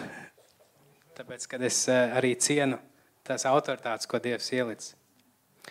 Uh, atceries, ko es teicu iepriekš. Reizēm Dievs arī pieļaus, ka notiek kaut kādas situācijas kad tevi var sāpināt. Es varēju tagad, eh, es tur zinu, kā es eh, dzīvoju jau tad Rīgā. Es katru nedēļu ar diviem autobusiem braucu, lai vispār varētu būt dievkalpojumā. Tur, ja bija vēl jaunieši, tad tur vispār vēl sestdienas. Un ar, reizēm ar kājām bija jāiet vispār uz draugu, jo autobusu tajos laikos nekursē. Es varēju to visu palūdziet, vēl mot, paņemt. Dusvidaņē, ja? Lai kāds cits ņemās. Eh, es reāli tā iespringu un darīju, bet reizēm Dievs pieļauj. Mēs jau tuvojamies nobeigumam. Piedod, Ilmār, tu jau cik reizes taimer mainīji. Uh, piedodiet, jā, pirmā reize tomēr. Uh,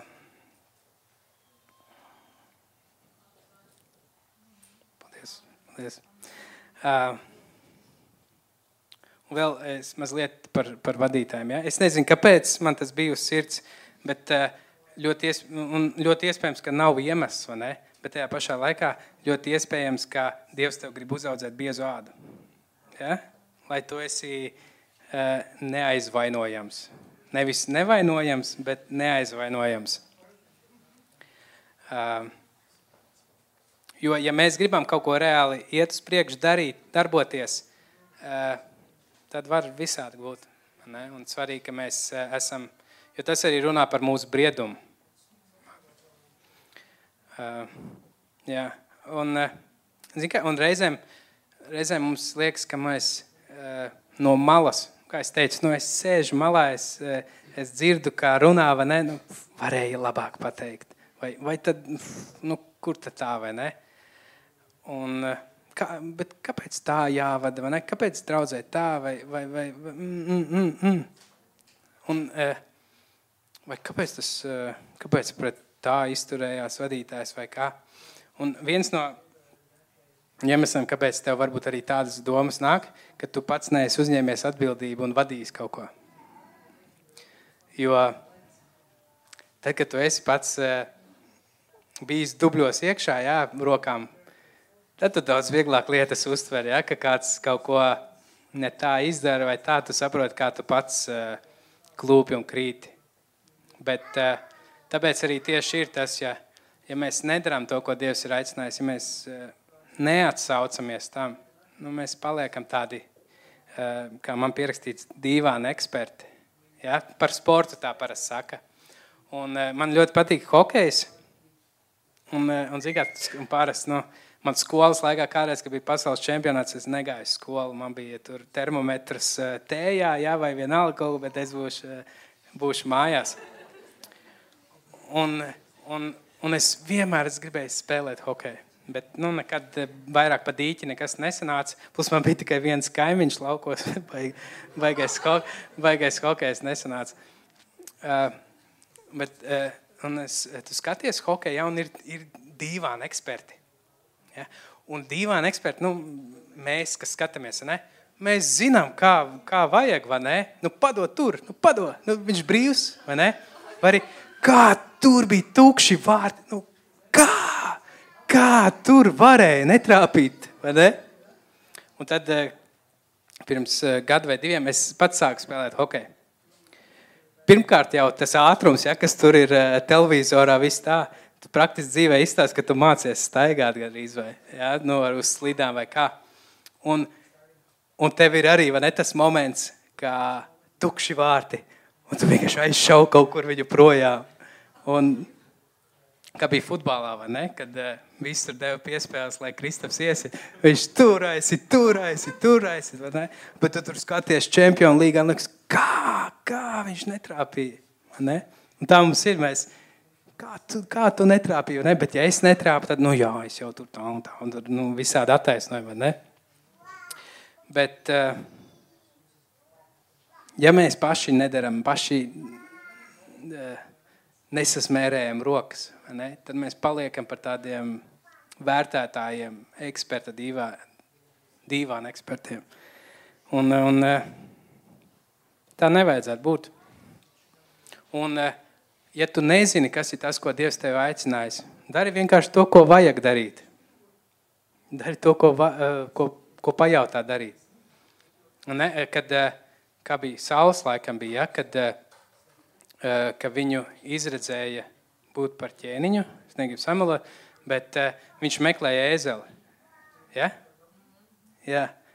Un tā, tā nu, ja tu nezini, ko Dievs aicina darīt, vienkārši ej meklēt to pazudušo ēzeli. Ej, ej dari to, kas ir jādara. Un ļoti bieži, kad tajā procesā tu atradīsi to, ko Dievs tev paredzējis. Ja? Um, vēl ir visādi, kas man ierakstīts, ka draudzē mani nepabaro. Es nedomāju par cienas galdu, ja tur, tur, nav, tur nav jautājuma. Ne? Nu, arī par garīgo nav. Jā, es ne, bet es, es tur nesaņemu. Un tad liekas, ok, tu esi jauns, tikko atgriezies, viss kārtībā. Ja? Tev, Bet, ja tu gadiem jau esi draudzē, tad kur ir jautājums? Tad varbūt nav jautājums par to, vai tu saņem vai nē, bet varbūt tev ir laiks dot. Varbūt tu jau esi tā iesēdējies, ka tev tur eh, jau atkrīt no tevis vārds, ja, kas eh, dzirdētais. Tu jau, tu jau visu zini, un jau tu dzirdi, ah, šito es jau pa nedēļu dzirdēju īstenībā citur uz prediķi. Ja. Ah, bet, ieremis, tad, kad tu esi riktīgi iekšā, ka tu kalpo kaut ko dari, vai ne? Tev tās svētdienas tu pilnīgi citādāk uzņem. Tāds, jā, dod man ūdeni, man vajag, vai ne, man jāskrien tālāk, jādara. Bet, eh, ja tev pašam nav kaut kādas lietas, kas tev izaicina, kas uh, tu reāli neesi izslāpis, tad tāds pus, puspēdis visu laiku esi. Un, uh, ja es nāku svētdienās ar domu, nevis, nu, kas tad šodien būs priekš manis, kas būs sagatavots. Es jūsu augstību esmu ieradies, ja? bet uh, ar domu, ko es varu kalpot, kam es varu kalpot šajā svētdienā. Un ebrejiem 5.12 ir, lai gan laika ziņā jums pašiem pienākas būt tiem, kas māca, jums atkal vajadzīgs kāds, kas jums māca Dievu vārdu pirmsākums. Jūs esat tapuši par tādiem, kam vajag piena, cietas barības.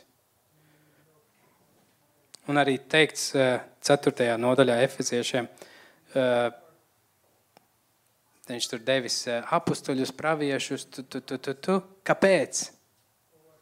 Nevis lai izklaidētu, bet lai svētos sagatavotu. Kurš ir svētais? Tūnes. Lai sagatavotu kalpošanas darbam. À, man likās, ka mācītājs kalpos. Bet izrādās, viņš mani sagatavo, lai es būtu gatavs kalpot.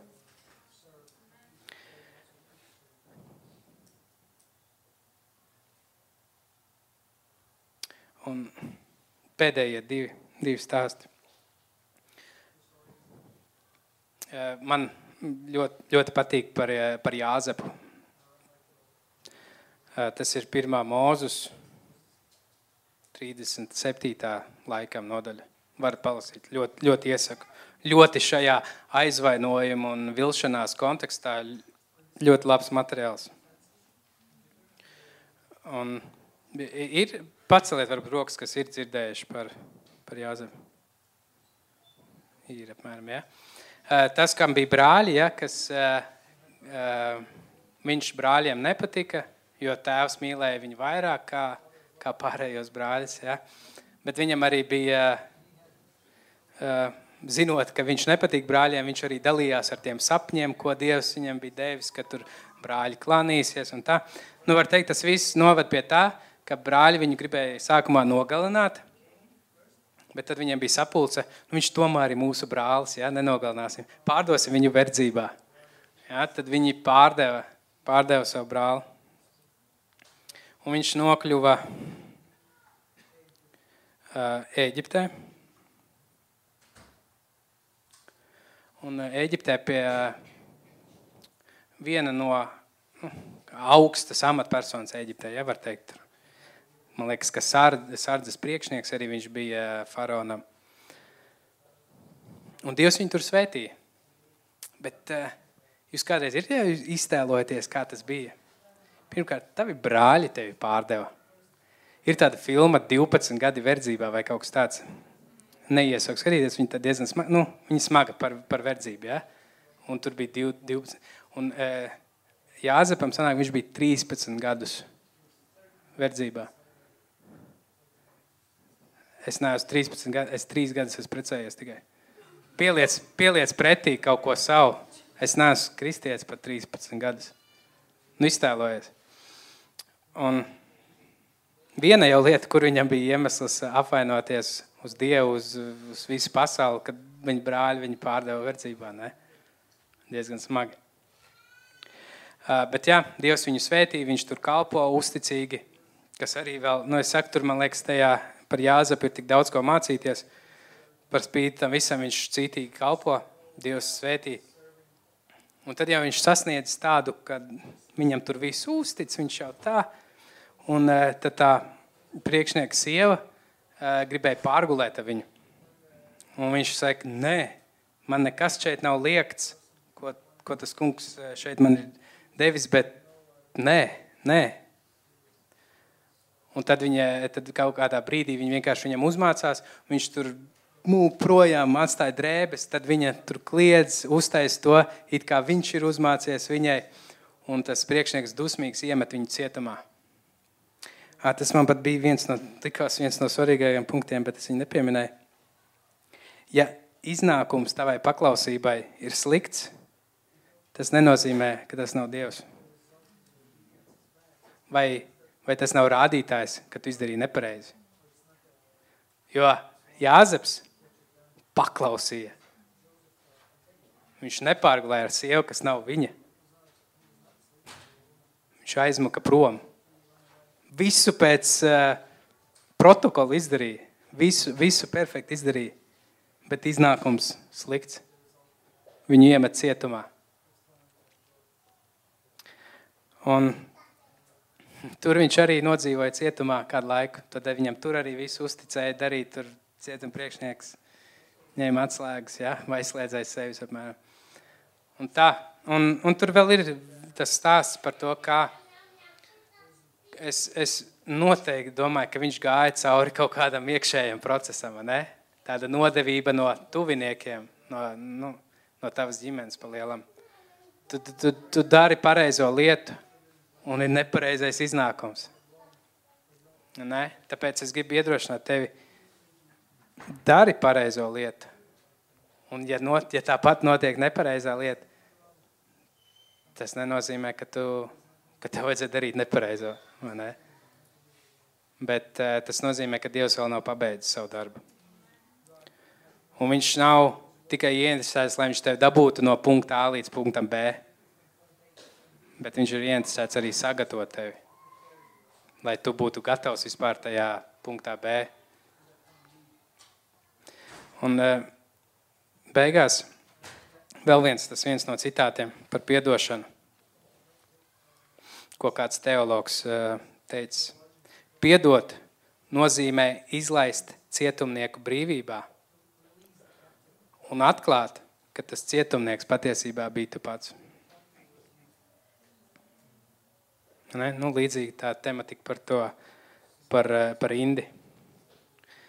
Un eh, pašā, pašās beigās es gribu Daniela grāmatā, 3. nodaļā, 13 līdz 18 pantam. Danielam bija tādi draugi, kurus vispār arī paņēma gūstā projām, eh, un kuriem bija, kā ir tā dziesma, 100 tūkstoši iemesli apvainoties. Ja? Bet man liekas, tā var apbrīnot, kad, kad caur visu to sāpēm un to postu, tām ciešanām, kas tev ir nodarīti, ko, ko ir cilvēki tev mēģinājuši nodarīt, ka tu spēj saglabāt to sirds šķīstību, ka tu atsakies ielaist kaut kādu nepiedošanu, aizvainojumu. Un, tur bija ķēniņš Nebukadnēcers, bija tie Daniela draugi, ja, Mesaks, Sedraks, Abednego, ja vai kādam bērnu vārdus gadījumā. Uh, tas ķēniņš, viņš uztaisīja tur milzīgu, milzīgu tēlu, sāicināja tur visu, visu valsti, visus priekšniekus, Un, eh, un teica, un tagad mēs visi pielūksim. Skanēs mūzika, ja visi liecās uz ceļiem un pie, pie zemes un pielūdz. Un iedomājies, eh, tā kā viss sāk skanēt mūzika, tur vienkārši pilns tāds pūlis, tur redz, ka cilvēki tā kā noliecās, ne? Un tur trīs tādi stabiņi stāv, paliek stāvot. Un tie bija tie Daniela draugi. Un tur, protams, viņus nosūdz, ja, un tad uh, pasauc ķēniņš pie sevis. Saka, nu, kas pa lietām, grib mirt, vai kas, ja? Un saka, nu, es dod jums otru iespēju. Ja? Skanēs atkal, varat pielūgt, un viss kārtībā. Ja? Negrib pielūgt, nu, arī viss kārtībā, tad mēs jūs metam ugunī un arī atrisinām lietu. Un tas tāds ļoti, ļoti interesants moments šajā stāstā. Un viņiem tur degošs ceplis, jā, tur viss redzi priekšā, kas tev sagaida, ja tu nepaklausi. Ja tu neizvēlies to variantu, ko tev pasaule piedāvā. Un uh, ļoti interesanti tā viņu atbilde, ko viņi teica. Um, 16. pantā. Uz to mums tev nekas nav jāpaskaidro. Mūsu Dievs, ko mēs godājam, var mūs izglābt no degoša cepļa. Un viņš mūs izglābs no tavas rokas, ak, ķēniņ. Ja, ar, ar, ar respektu arī atbild beigās, ak, ķēniņ. 18. pantā. Bet, ja viņš arī to nedarītu, ja, tad tev būs zināt, ak, ķēniņ, ka mēs negodāsim tavus dievus un nepielūksim to zelta tēlu, ko tu uzstatīji. Viņš var palīdzēt, Bet, ja nu gadījumā, ja, ja šī mūsu pēdējā saruna, tad mēs tāpat to nedarīsim. Ja, un, uh, un viņi nedarīja. Un, uh, beigās viņus iemetēja ugunī, bet uh, Dievs izglāba tā, ka nekas viņiem nekaita, un visi pārējie pēc tam pielūdza īsto patieso Dievu. Un, un ar š, tas tā 17. 17. 18. pantā, tas, ko viņi teica, tie tie vārdi, ko es uh, gribētu mums atstāt par to biezo ādu, um, ka tā maza saistība atrunā tajā mūsu kontraktā, ja, mūsu kristiešu dzīvē. Um, jā, mums ir sagaidīšanas, mēs gaidām, ka Dievs darīs, bet tas, ko es iztēlojos, tas nav uh, labākais variants. Un uh, mums ir jāatcerās, ka beigu beigās, dienas beigās, viņš ir kungu kungs. Un dienas beigās būs tomēr viņa variants pareizais. Un par to, par to ādu biezo, nu, paņemiet, paņemsim sev sirdī. Uh, viņš var izglābt. Bet, ja arī, bet, ja es arī neaizbraukšu uz to bībeles skolu, bet, tad tāpat tas nemainīs to, ka es es kalpoju. Tu, Dievs, izmainīji man dzīvi, tu man izglābi. Un, eh, bet viens gan tajā, kad es biju, bija tāds tas vilšanās periods, eh, reizēm pat bija tā, ka es negribēju, lai Dievs runā uz mani, jo es baidījos, ko viņš varētu pateikt. Nu, es jau biju tā savā tajā vilšanās burbulī iekšā, bet viens gan nebija tā, ka es gribētu iet projām no Dieva ja, ja gribētu, tad droši vien iemeslu varētu sakasīt. Bet arī bija, kā, kad, kad Jēzus sludināja, bija tas viņa sliktais sprediķis, ja, kad par, par viņa miesu, asinīm, un kad uh, tur rakstīts Bībelē, ka, kad cilvēki gāja, uh, tur bija pateikts nevis, ka viņa sekotāji, ja, tas jau tāds tuvāks, augstāks līmenis, ka kādi viņa sekotāji vairs viņam nesakoja. Teic, kas, kas to var panest? Ne? Un, un tad viņš interesē, nu, kā jēzus, ja, pagriežas uz mācekļiem. A jūs arī varbūt gribat iet projām? Un uh, Pēters viņam saka, bet kur? kur? Nu, es pārfrāzēju, ja, bet kur pie tevis ir uh, mūžības vārdi? Un uh, pāri par tam visam, par to vilšanos, nu, a, kur es varu iet? Es biju pasaulē, ja? nerekomendēju, dzīve diezgan labi izposta. Bet, eh, bet Dievs. Ne? Es saku, kā man kādreiz likās, ka manā, eh, manā dzimtas kokā, ko es redzu, alkohols, alkohols, ja? bet Dievam ir savs dzimtas koks. Viņam tas, kas ir stādīts upes malā un nes, nes augļus, pareizi. Tāpēc es ceru, o man rakstīts runā vēl, paldies. Paldies. Jā. Jā, piedodiet, ja bija, bija haotiski, vai, bet uh, es ļoti ceru, ka tas ir draudzēji par svētību, un mums ir jāsargā mūsu sirdis, mums ir jāaudzē tā biezā āda, ja, lai, lai tik viegli mūs no spēles neizslēgtu. Es pat hokeju, kas spēlē arī buruņas uzvelk, ja, lai tā kā bortā ieliek, lai tu vari slidot tālāk. Nu, tāpēc vajag. Uh, jā, laikam lūdzam, jā. Un varbūt kādu brīdi tīri, ne, uh, ja ir, jā, ceļaties, jūs jau sēdiet ilgi. Man uh, laikam nav vēl tā, tā uh, autora tāds slavētājs saukt, jā, bet uh, vienkārši, nu, past, pastāviet un uh, esi ar sevi vienīgi šobrīd, vienkārši ar sevi.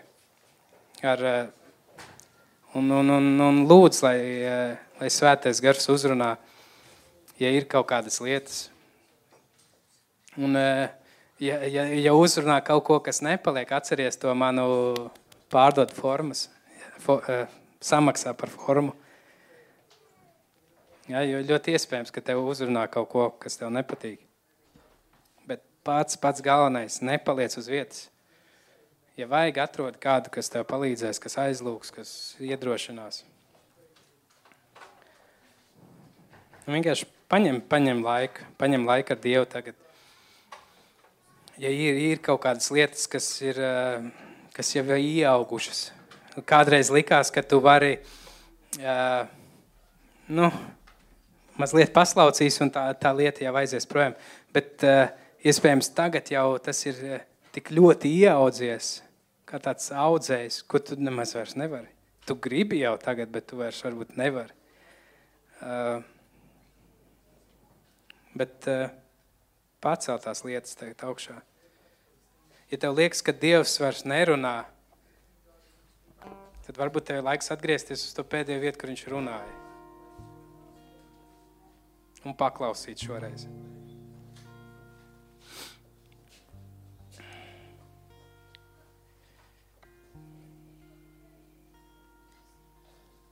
Bet, uh, lai, lai ir uh, nedomā tev blakām kāds vai tagad tu un Dievs sakārto, sakārto, ja ir kādas lietas, kas tev jau velkās līdzi. Un nemāni sevi. Nemāni sevi. Tu zini. Tu zini, kas ir tās lietas. Tu jau esi izdomājis skaistus vārdus tām lietām bet sauc tās īstajos vārdos.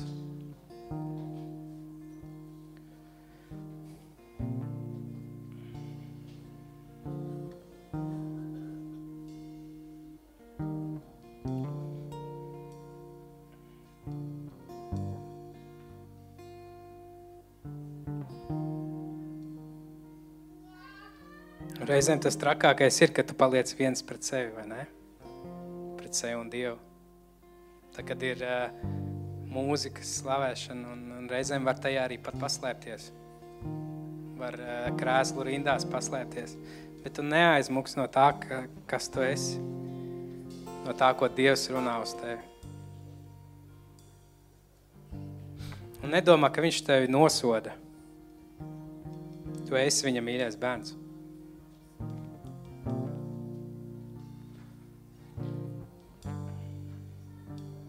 Un reizēm viņš lietas uh, viņš nedod kādas lietas nevis pret mums, bet priekš mums, jo viņš zina, ka tas pasargās mūs. Tev liekas, ka tu baigais nāzis, ka tu izplānoji tā un tā. Bet nē, esi stūrgalvīgs.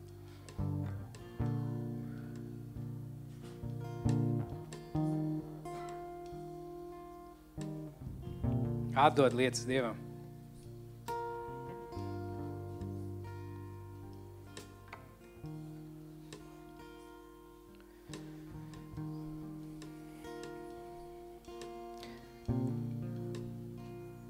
Paldies, debes Tēvs.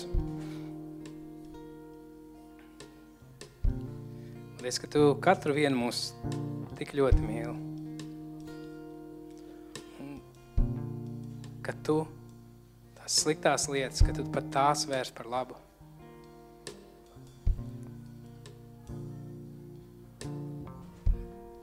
Bet atdod tās lietas Dievam. Atdod, neturi. Tu esi ieķēries, atdod.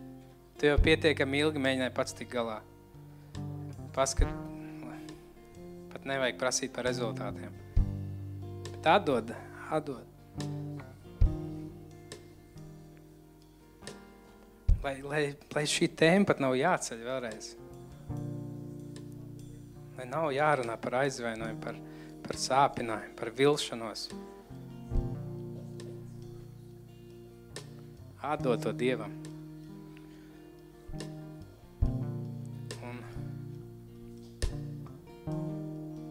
viņš tevi sagaida kā mīlošais tēvs. Viņš tev neskrien pārmes. Viņš tev nesaka, es taču teicu. Bet šodien viņš tev pieņem kā mīlošais tēvs. Izlīdzina, izsaka tās lietas, pārunā ar viņu.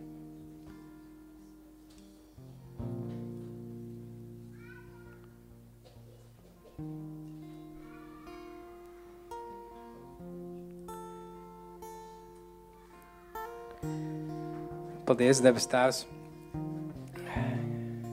mēs varam būt Tavi bērni. Paldies, ka Tu apžēlojies par mums. Paldies, ka pat, pat tad, kad mēs Tevi nemeklējām, pat kad negribējās dzirdēt par Tevi, Tu pilns žēlastībā, pilns mīlestībā mūs pieņēmi. Un, un dzīve notiek, cilvēks mūs sāpina, mēs sāpinam un Tevis Tēvs, lūdzu, ka Tu uzrādi svētais gars, kas, kas ir tās lietas, ko mēs esam atstājuši novārtā, ko mēs neesam sakārtojuši. Lai tas vairs netur mūs uh, važās. Lai, lai kāda aizvainojuma, lai nepiedošanas, lai, lai mums, kā draudzēties, pat vārda ziņā ir svešas.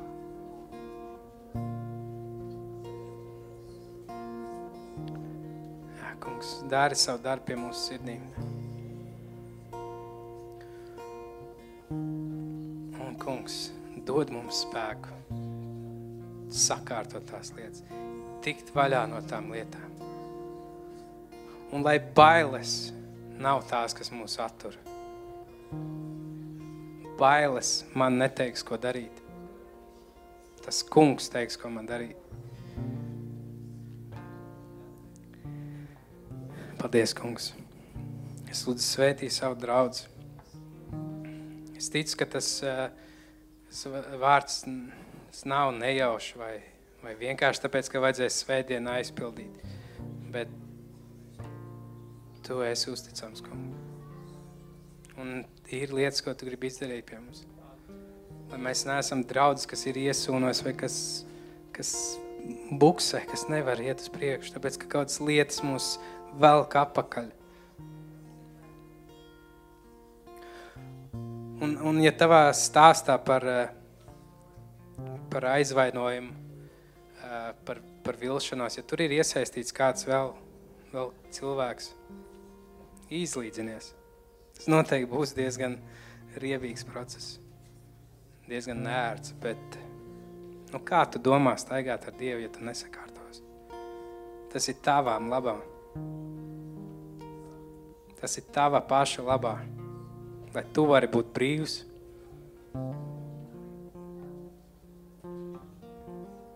Bija kādreiz skolas laikos bija, bija kāds uh, puisis, ko visi apcēla un, un tam visam pa, pa virs ar es bija, kas, eh, kas viņu arī apbižoja. Un arī nu, pēc eh, kaut kāda laika vajadzēja braukt un, eh, un izlīdzināties. Nu, ir nērti, ir nepatīkami, bet ir vienkārši lietas, kas mums jādara, lai mēs varam doties uz priekšu.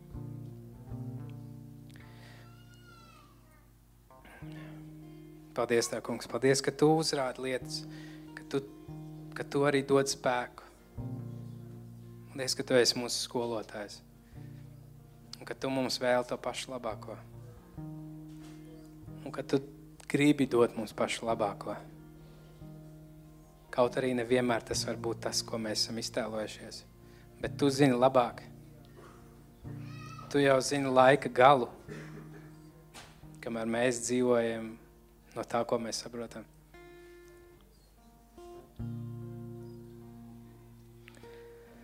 Paldies, Tēvs. Es lūdzu, kungs, kad, eh, kad tu turpini savu darbu. Un, eh, lai mēs kā draudz, lai mēs neesam sturgalvīgi, lai mēs tev nepratojamies. Kungs, lai mēs esam padevīgi tev. Lai tas nav tikai par mums, bet